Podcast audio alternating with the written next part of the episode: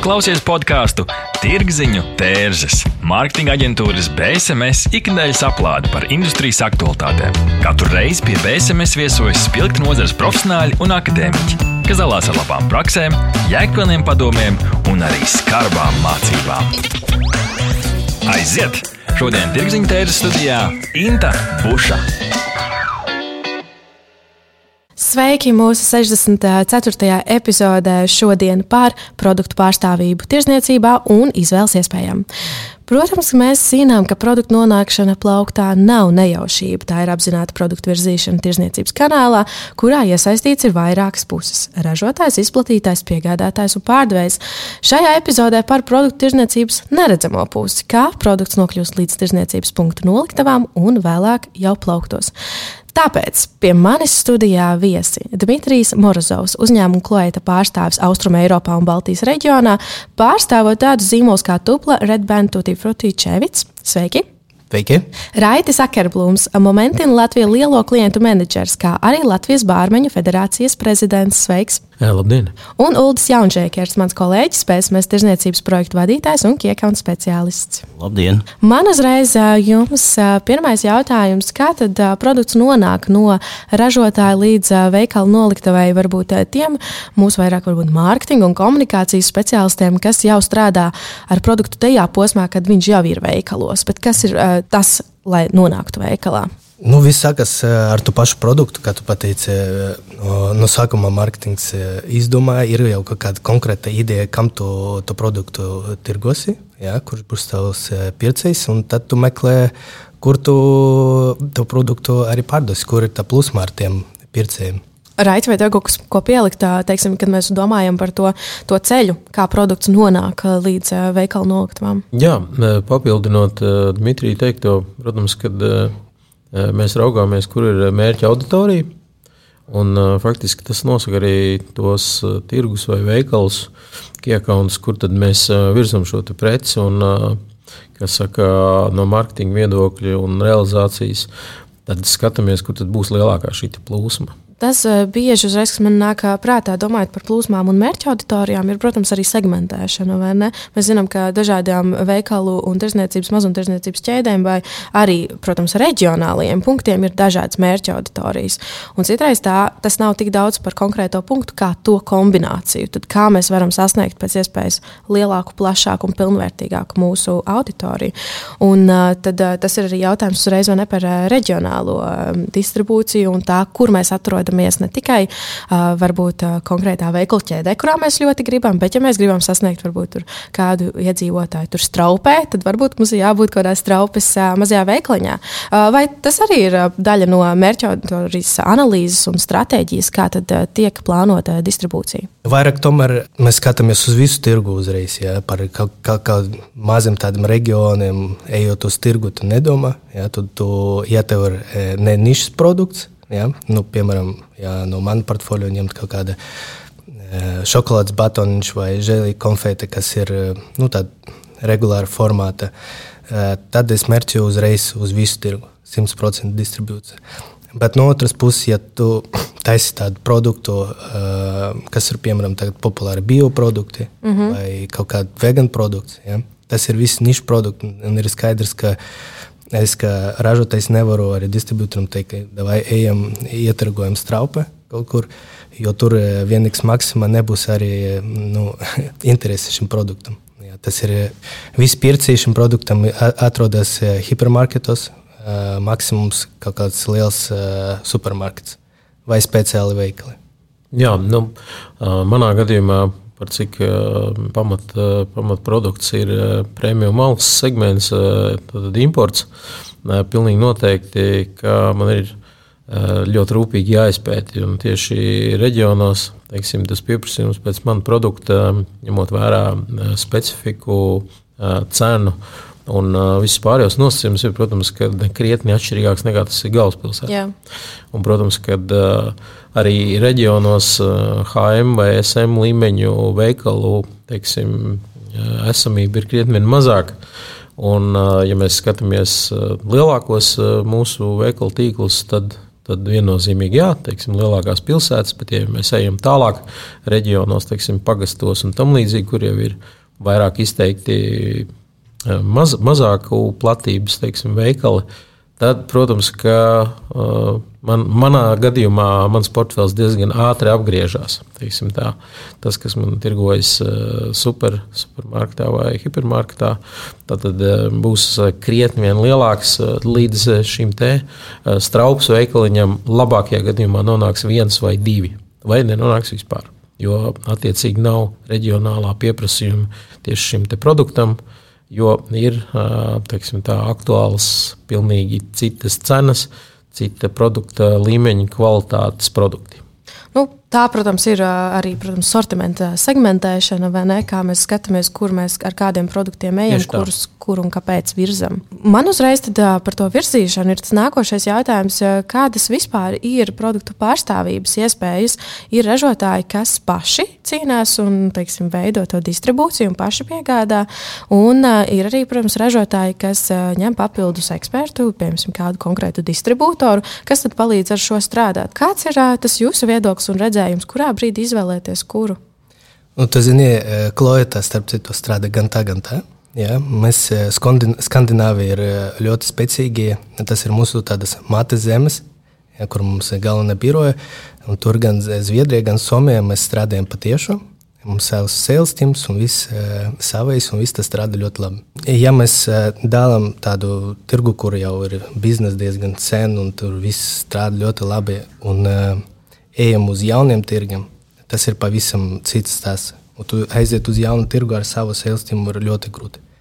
Ļoti grūti, tāpēc, ka tev nekā nav, tev nav pieredzes, tu nezini, kas tur, kāda vēsture, kas tur tirgojas labāk. Pat ja tu dabū, nu, pieņemsim, tu tomēr dabū kaut kādu komandu uztaisīsi tur pārstāvniecību atversijām. Ja? Eh, tev jādabū kekantus ar um, kontaktiem, tīkliem. Jo bez kontaktiem, nu, tagad kekants nāk parunas, viņam pirmais jautājums, ar kuru tev ir labas attiecības. Ja? Lai dabūtu tādus kekantus, vajag daudz naudas. Nu, tas budžets uzreiz jāreitinās, ka būs lielāks, jo viņus jāpārpirkt. Piemēram, tu dabūsi arī šīs kekantus komandā. Jā. Tad nākamais uh, grūts jautājums ir līgumi ar tīkliem. Neviens negrib eh, slēgt līgumus, tāpēc, ka, mm, nu, piemēram, Rīgā mūsu ņemam, tur katram menedžeram uh, ir 200 e-pasti, 300 zvani, uh, katrs ar savu piedāvājumu nāk, un uh, tur vēl parādās kaut kas ražotājs. Kam tas ir vajadzīgs? Visiem tāpat jau pārāk daudz darba, lai tiktu iekšā. Uldis labi zina, viņam, es zinu, ka bija pro projekti, pat vienkārši noslēdz mums līgumu, palīdz noslēgt līgumu. Ok, ja tu līgums tev ir, komanda ir tev nav svara. Tu zvani, mēģini kaut ko tur sarunāt, pierunāt.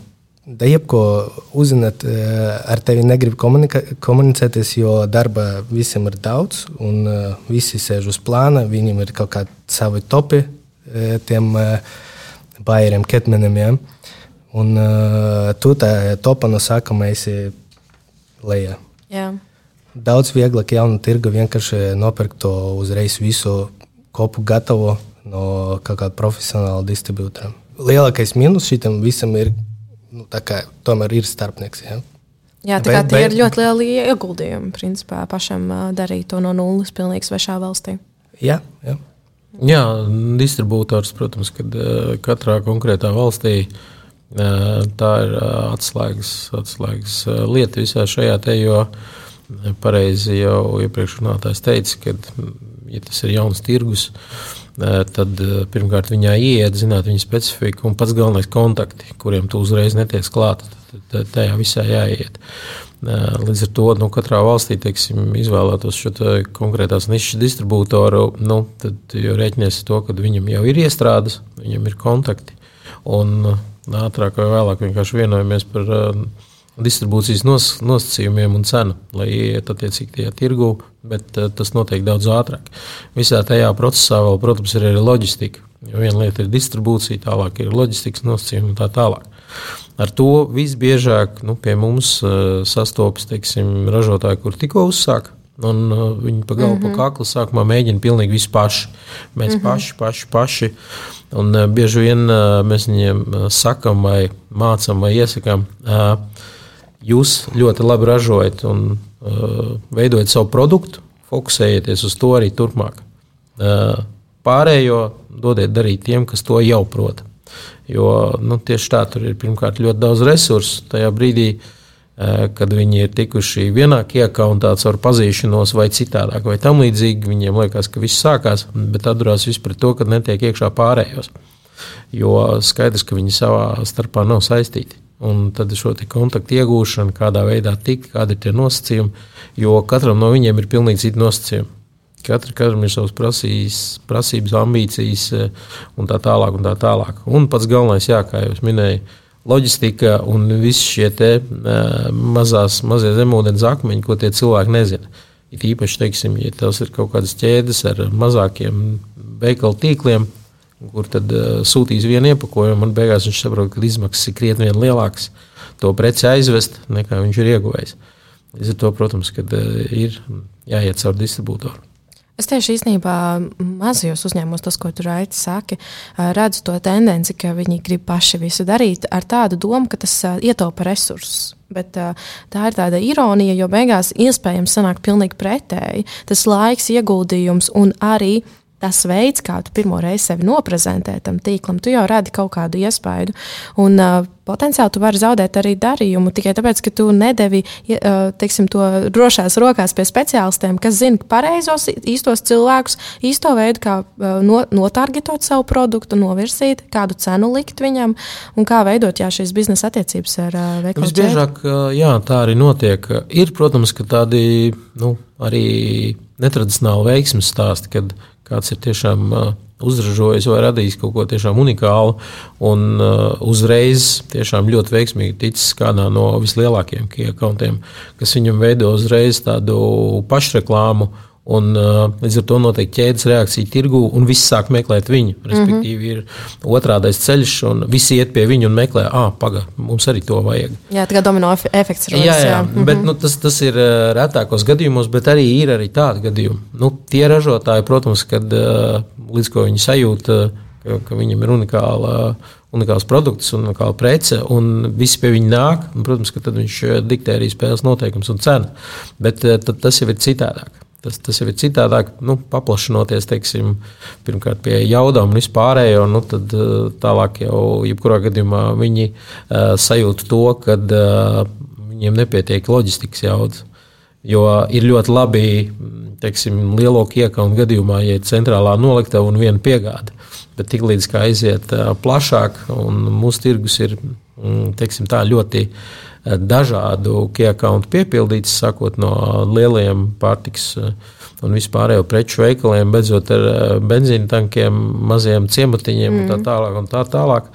Un tajā brīdī jau saprot, ka tā loģistikas kapacitāte ir diezgan neiespējama. Tur jāveido atsevišķs loģistikas centrs.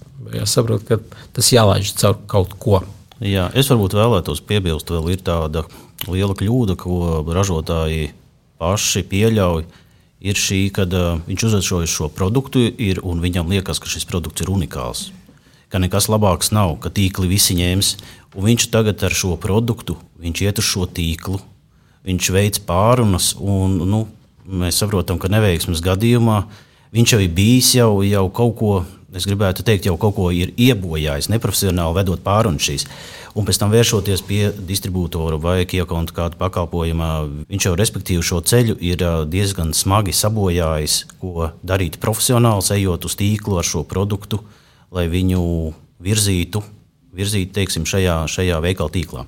Nu, ziniet, te ir tā, ka ražotājiem arī var būt profesionāli, kas var aiziet un normāli ietirgot. Tas ir nu, vairāk jautājums, kāda cilvēka strādā pie ražotāja, vai tā ir komanda, vai tas ir vienkārši nu, kāds no, no kompānijas iekšā ej pārdot. Ot, ot, tev ir e, jauns e, es domāju, produkts. Tas, ko Ulris saka, un es to esmu ļoti redzējusi Latvijas uzņēmumu mairažotāju vidū, ka viņi saražo kārtējo vīnu, kārtējo sieru, kārtējo medus burciņu.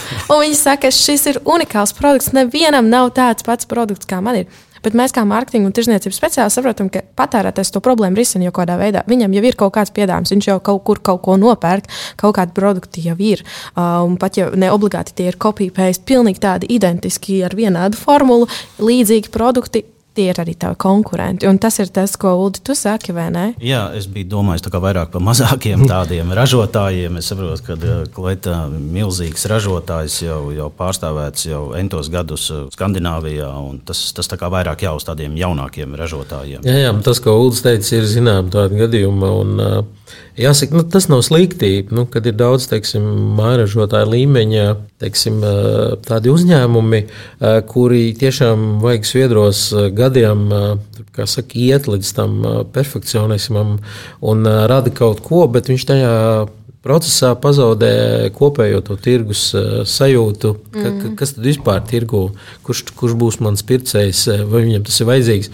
Izrādās, ka vēl četri jau ir līdzīgi, un viņi jau sen jau ir ieņēmuši to nišu. Un tad ir tā saucamā viņa sirds ambīcija, ka tas ir mans gara darbs, un nekas tam līdzīgs līdz šim nav bijis.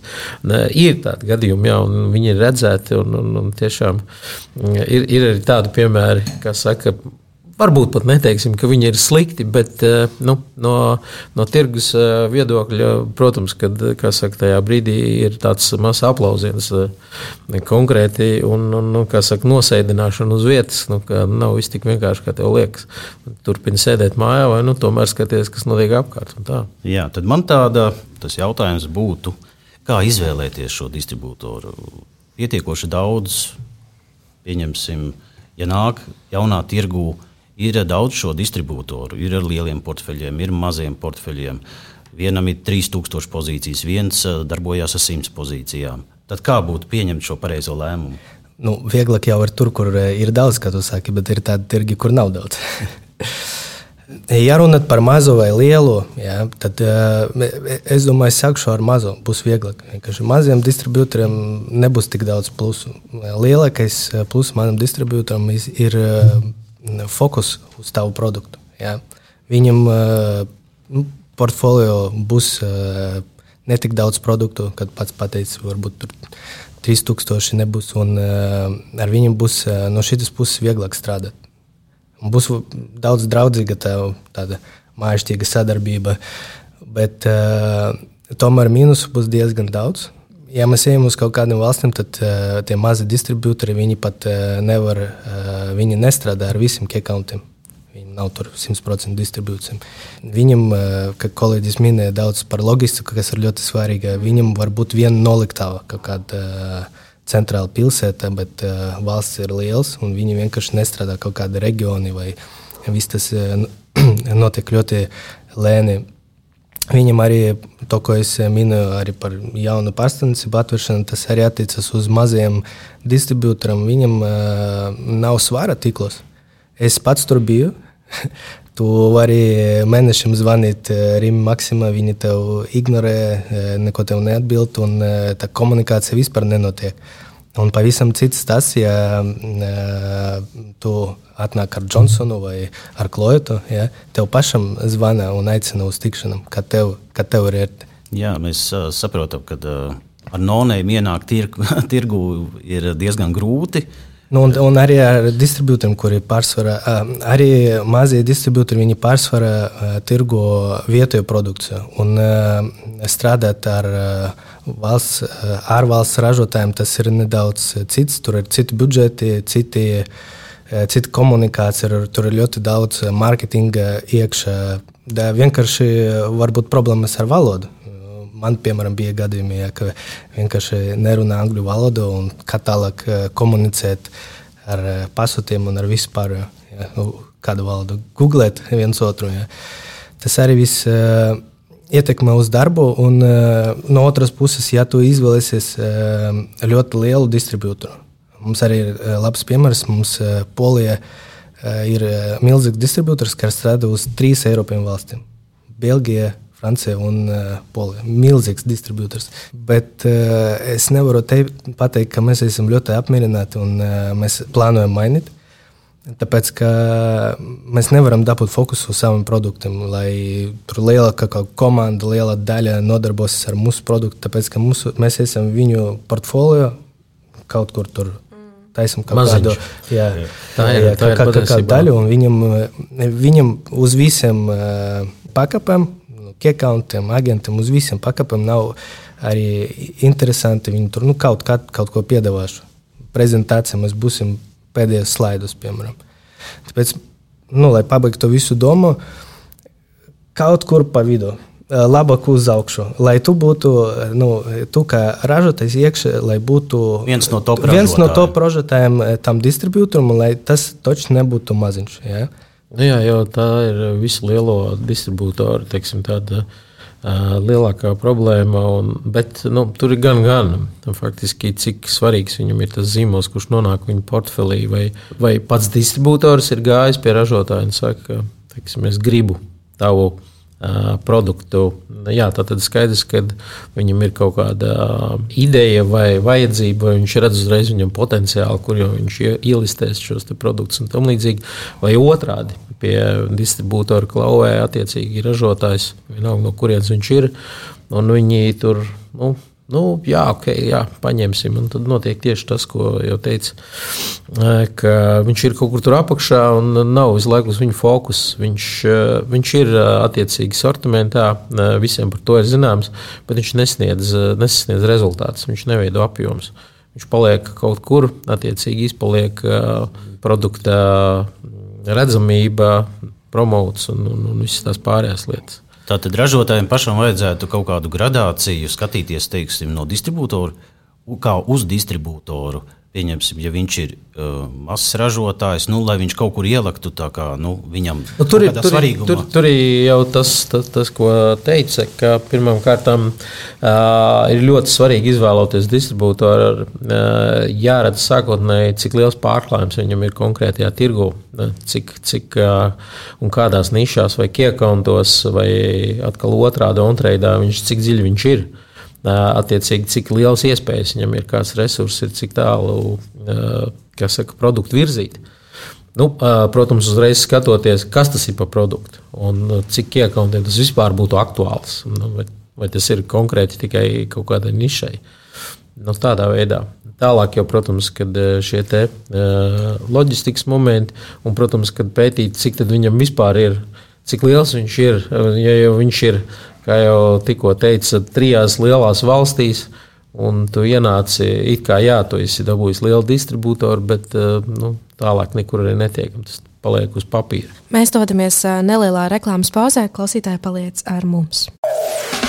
Neatbildami jautājumi, sarežģīti lēmumi. Sazinies ar Norstat. Mēs palīdzēsim. Norstat Tas ir draudzīgs servis, innovatīvi risinājumi un kvalitatīvi dati, lai to varētu pieņemt veiksmīgus, datos balstītus lēmumus. Pievienojies vairāk nekā simts Latvijas uzņēmumiem, kas uzticas vadošajiem datorisinājumu nodrošinātājiem Ziemeļeiropā. Mūsu mērķis ir atvieglot tavu dzīvi un ļaut pieņemt pareizus lēmumus. Norstat - vērtīgi dati svarīgiem lēmumiem. www.norstat LV BSMS Tas ir zīmola pārdošanas un mārketinga atbalsts, stratēģijas, satura un menedžmenta pieredze kopš 1999. gada. BSMS nodrošina radošas, tradicionālas un digitālās pārdošanas veicināšanas kampaņas un konsultācijas. Apmeklē mūsu mājaslapu www.bsmslv un uzzini vairāk! Mēs jā, runājām jau diezgan daudz par to, kā izvēlēties īsto izplatītāju. Mēs runājam par izplatītāju lielumu, bet man, tas, kas man ienāk prātā, domājot par tiem, tām atšķirībām, mazs uzņēmums vai liels uzņēmums, mazs izplatītājs vai liels izplatītājs, ir bieži arī tas, ko tomēr uzņēmums skatās. Tad, cik liels ir izplatītājs, viņam ir milzīgs sortiments, tur skaisti, labi atpazīstams zīmols. Viņš domā, oh, es ar savu mazo zīmoliņu arī gribu būt tik liels un varens un ielikt iekšā pie tā diskusijas distribūtoru, bet tas ir tas, ko jūs sakat, ka viņš atkal nav vairs tik prioritīvs. Un, jā, tad uzreiz turpinot šo tēmu par distribūtoru izvēli, ir, vai jūs esat novērojuši kaut kādas izmaiņas distribūtoru tirgu Latvijā pēdējos gados, vai jūs varbūt redzat kaut kādas tendences, ja mēs runājam par produktu izplatīšanu un virzīšanu mazumtirdzniecībā? Dmitrij, kā tas tavā pusē izskatās? Nu, no manas puses es redzu, ka daži ražotāji staigā jā, tam, kam uh, neapmierina, bet uh, tas ir tā kā, zini, roza brīlis. Uh, kad tu sāki kaut kādu sadarbību, tu dabū kaut ko jaunu. Visi tādi, wow, tagad aiziesim, tagad ietargosim, tagad būs. Jā. Un uh, tas ir apusīgi. Vienmēr ražotājs domā, no šī jauna taču labāk būs. Bet uh, pēc tam sākas tādas pašas problēmas, kas bija iepriekš. Viņi nekur nepazūd. Tāpēc uh, tiem ražotājiem, kuri to dara, nu, dodiet iespēju distribūtoram, uh, strādājot kopā. Ja? Ļoti, ļoti akurāti jāskatās. Mums arī ir daudz tādas uh, distribūtoru, kur, kur ir runātāji. Zini, mūsu profesija tas ir ļoti aktuāli. Visi tādi labi pārdevēji. Visi, visi, visi, visi ir pārdevēji. Viņi tev tā sastāstīs, ka mēs tur miljonus tonnas, 40 uzreiz rītdien tikai pārdot. Bet uh, īstenībā nu, atšķirt to runātāju no tiem darītājiem nav tik viegli. Uh, Un, uh, uzreiz atmest visus arī nedrīkst. Tāpēc es ieteiktu aizbraukt, uh, paskatīties uz viņu lauciņu. Ja tas ir pavisam cits valsts, tad aizbraukt uh, vispār paskatīties, ka, ka tas distribūtors strādā ar uh, citiem uh, produktiem, ka, kas uh, ir viņu portfolio. Ja? Kā viņi stāv tur, kā, kā, kā ar viņiem iet. Ja tu redzi jau profesionālu darbu no tās puses, nu, ar to sortimentu, kas ir, un pēc tam tev kaut kādu brīdi tur no sākuma ar viņiem kaut kas neiet, tad nu, uzreiz nevajag pamest visu. Vajag uh, risināt, skatīties, varbūt uh, tieši šiti, šī, šie tie, uh, tavi produkti neiet šī tirgu un jāpamēģina kaut ko citu. Tirgus ir uh, atšķirīgs gan uz Baltijas līmenī. Ja? Es ļoti labi redzu, ka mums Latvija, Lietuva, Igaunija pēc atšķiras, mums top produkti atšķiras, bet kurš varētu domāt, ja mēs visi tik tuvu esam. Jā. Un pat, pat, patiesībā papildinot šo, es pilnīgi pievienojos par to, ka uzņēmumam un ražotājiem ir jāsaprot, ka tas nenotiek tā, ar rītdienu. Mums tagad neuzkāps pārdošanas rīt. Uh, jādod ir laiks ieskrieties, un tas nav pat arī mēnesis, vai ne? No, Nē, vienmēr jādomā ilgtermiņā. Jā. Vienmēr. Pa, nu, parasti ļoti īsi un parasti pusgadu. Tas jā. ir minimums termiņš, jā, kā, kā, ko var Nu, pusgadu var veikt jau analīzi, mm. bet arī teiksim, nu, jāskatās to produktu teiksim, e, īpatnības, jo varbūt ir nostrādājusi sezonalitāte un tam līdzīgi, kas nav īpaši veiksmīgi bijusi. Tad, protams, tas ir jāturpina, bet nu, pusgads tas kā minimums, kas, kas vispār var parādīt kaut kādu līkni vai statistiku un kas dod kaut kādus datus kuriem ir vērts eh, pievērties, ticēt un mm. redzēt, kas, kas, kas vispār notiek. Nu, jātur arī ļoti tuvu komunikāciju, jo es pamanīju, arī bija tādi piemēri, kad eh, īstenībā distribūtors ir ļoti labs, ļoti profesionāls, bet eh, nu, diezgan kluss. Viņam ir kaut kādas problēmas, un viņi tur čakarēs paši ar sevi, kaut kā mēģina to atrisināt. Un, Varbūt baidas paprasīt palīdzību, varbūt nezinu, ka var. Bet, uh, tu domā, ražotājiem ja, jā, viņi jā, kopā jā, strādā? Jā, jā. Vienmēr jāstrādā kopā, un uh, man patīk, jo vairāk uh, komunikācijas nāk, jo vairāk es esmu iesaistīts. Uh, Jo labāk, jo ir kaut kā, ja pēc tam ir kaut kādas problēmas, es arī jau zinu par to, ka kaut kas nāk. Piemēram.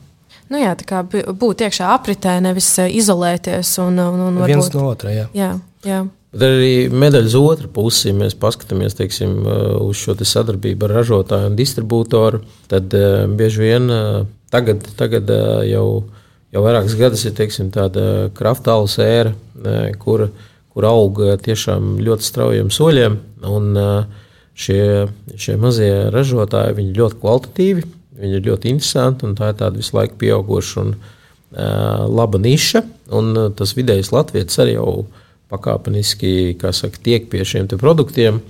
Un, protams, ka uh, distribūtoriem ir uh, par viņiem interese, bet tur ir tā medaļas otra puse. Uh, varbūt pietiekami labs distribūtors, viņš ir efektīvi strādāt, bet ražotājs nevar tik strauji palielināt savu ražošanas kapacitāti. Un tad vienā brīdī nodrošināt savas saistības. Principā. Vienā mm. brīdī mēs sastopamies ar to, ka pieprasījums ir krietni lielāks nekā viņa ražošanas jaudas. Jā. Un, mums ir bijusi tāda pieredze, un nu, tā, visa šī niša sākotnēji darbojas kā mākslinieki. Nu, bet mēs to uztveram kā biznesu. Ir daudzums, ir cena, ir apjoma un ir saistības. Un, uh, viņi var skaidrot, jā, nu, mēs te tagad eksperimentējam un tam līdzīgi, un tas viss ir saprotams, uh, bet, ja man ir nepiegādes, par kurām veidojās soda naudas, uh, tad man uh, tādi eksperimenti vispār neinteresē. Ja?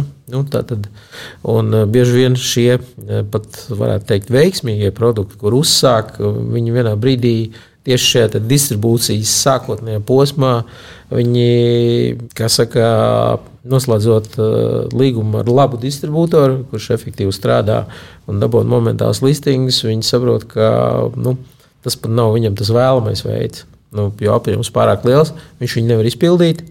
Un līdz ar to veidojas e, konflikti visā tajā biznesa saistībā, e, nepiegādes un tam līdzīgi. Skaidrs, ka viņi nav gatavi sekt šīs soda sankcijas, kas ir pret distribūtoru no Kiekona puses un tā tālāk. Nu, visi, visiem tas ir vairāk vai mazāk zināms. Es teiktu, tas pat kaut kādā veidā sabojā šo produktu, ne, bet attiecības ar tīklu, jo mēs saprotam, ko nozīmē, ja ilgāku laiku netiek piegādāts produkts otru reizi atpakaļ tikt šajā tīklā, nu, tam ir jābūt ļoti labam produktam, lai tiktu tur. Uh, bet, jā, ko, ko tu teici, jā, mazie ražotāji noteikti kādreiz pārvērtē ļoti šo, šo tīklu, uh, cik viņi var notirgot šo preci. Un dodot šo distribūtoru, un distribūtors uzreiz viņu redz pa visiem kanāliem. Pa visiem kanāliem viņš uh, dod virsū uz pilno, un, un, un, un ja labs produkts un garšīgs tavā uh, gadījumā, jā, kā tu minēji, alus, krafta alus, tad, jā, ja viņš ir visur, tad alu nevar uzraudzēt par jā, jā, divām visi, dienām. Jā. Tur jau tā lieta, un visā tajā procesā ir, protams, vēl arī iepakojumi, izēvielas un vispārējais. Un, uh, tas, ko viņš ir rēķinājis sākotnēji, un tas pirmais mēnesis parāda viņam labus rezultātus, kas, bet uh, nu, tā līkne mēdz būt ļoti augsta. Un, ja tā ir uh, sezonalitāte un tās ražošanas jaudas ir nepieciešams reizes trīs, reizes četri, reizes pieci, nu, tad mēs saprotam, jā, ka nu, gudrs distribūtors ļoti pakāpeniski mēģinās iet kas saka, šo ceļu, lai, lai, lai nesabojātu to savu biznesa modeli tajos kiekantos.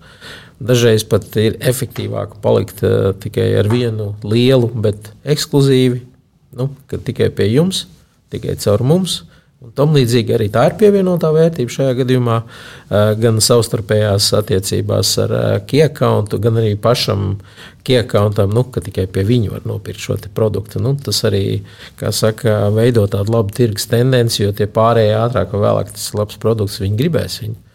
Nu, tad kā mēs viņu varam dabūt un tam līdzīgi. Mēs sākumā runājām par uh, nišīgiem veikaliem. Tad, uh, mēs, uh, protams, ļoti labi apzināmies, ka ir lielās tirdzniecības ķēdes, un ir arī ražotāji, kas izveido paši savus veikalus. Mēs jautājām, kādos ražotāju veikalos jūs iepērkaties regulāri. Puse no cilvēkiem neiepērkas nekādos šajos veikalos, jo viņi principā dod priekšroku lielveikaliem. Tas ir arī tas, ko mēs, protams, redzam arī pārdošanas rezultātos. Bet no mūsu piedāvātajām opcijām tad, uh, Ceturtā daļa saka, ka viņi ir iepirkušies Forever veikalā, ir uh, 10% veikalos lāči vai laima veikalos, uh, tāpat tās arī kabinets alkoholam, 4% ir uh, regulāri iepērkās šeit uh, Madara kosmetikas veikali un citi. Un tāpat arī mēs jautājām, cik bieži jūs iepērkaties uh, izplatītāju veikalos. Mēs zinām, ka ir arī gana daudz uh, šādu veikalu, un uh, tad uh, vairāk kā puse, gan arī 70% saka, vai nu ļoti ļoti reti un nekad, bet uh, ir kopumā arī 20%, kas bieži vai ļoti bieži iepērks tieši izplatītāju uh, veikalos. Un kā jūs komentējat šo situāciju? Vai jūs redzat, ka šeit ir tendence veidoties šādiem nišīgiem vai nu izplatītāju vai ražotāju veikaliem, vai tomēr uh, tendence būs tieši pretēji, ka tādu veikalu kļūs arvien mazāk, un uh, mēs tomēr virzīsimies galvenokārt uz uh, lielajiem uh, hipermarketiem, lielveikaliem. Es domāju, ka šeit nostrādāja pandēmija un daži atvēra savus e-veikalus. Ja runa par distribūtoriem. Ja. Nu, es domāju, ka visi, kuriem ir smadzenes, to izdarīja. Tāpēc, ka visi sēdēja mājās, ja. Barbara vēda nedēļu un bija reāla iespēja visam nopelnīt tur. Tas ir no, no tās puses.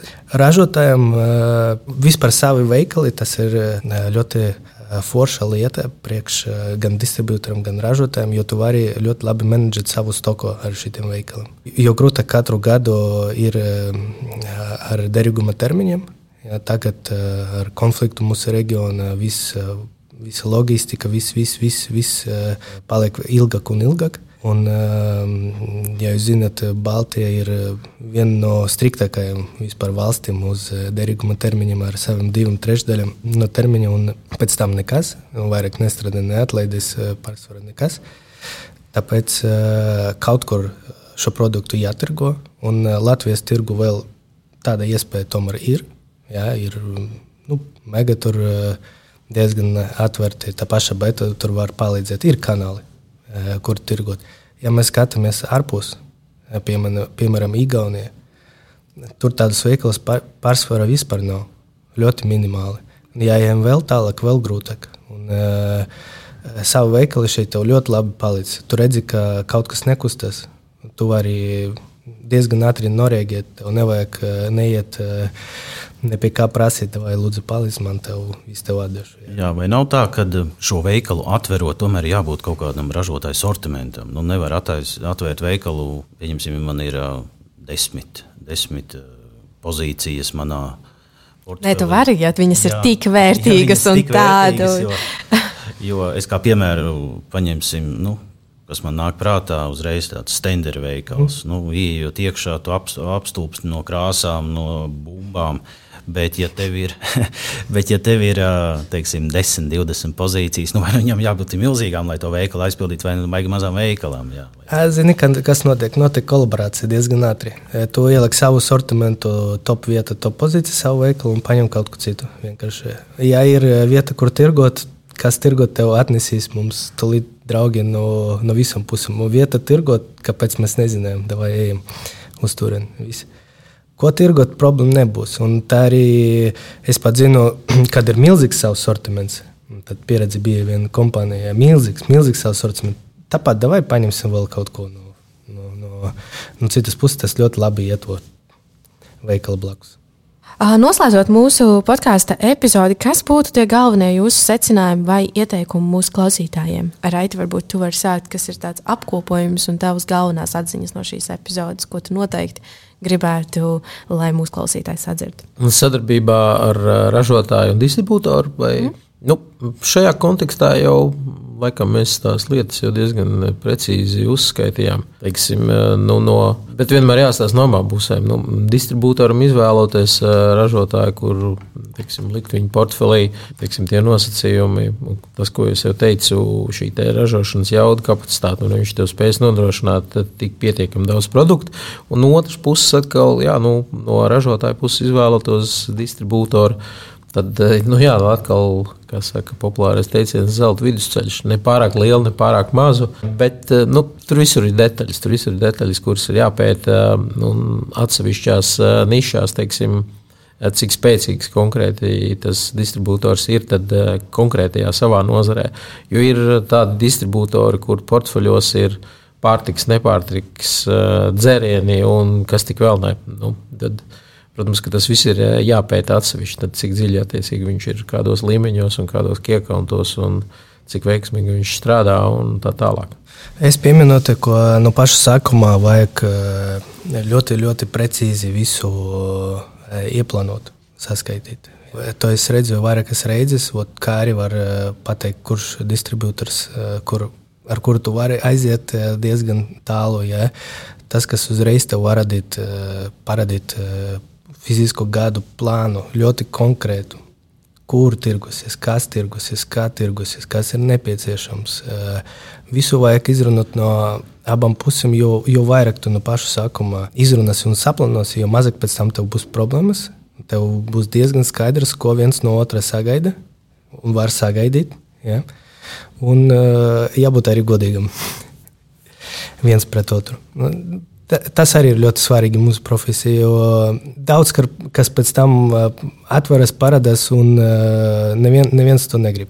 Jā, es pilnīgi piekrītu Dmitrijam, ka no sākuma droši vien šī tirgus izpēte ir viens no galvenajiem faktoriem, kam, kam būtu ražotājiem jāpievērš vērība. Bet tajā pašā laikā es domāju, ka nu, nevajadzētu ražotājiem baidīties, ka nu jau, ah, es tagad uzražoju un visu, un tagad es viņu tur kaimiņienai pārdodu tikai vai feisīti ielieku kaut kādā saitā, kad viņš tur tirgojas, bet nē, bet iet meklēt, saskaitam, darām. Tikai tie, kas dara, man liekas, kaut kas arī notiek.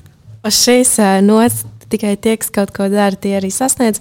Noslēdzam šo epizodi. Paldies viesiem! Pie manis ciemos bija Dimitrijs Morozovs, Raitas Akerblūms un Uldis Jaunžēkers. Paldies!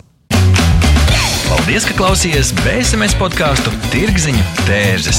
Aplādi ar labām praktiskām, jēgpilniem padomiem un skarbām mācībām. Patika epizode? Dalies sociālajos medijos, ir idejas tēmām vai viesiem? Raksti mums! Tās bija Tirziņa tērzes. Tiekamies nākamnedēļ!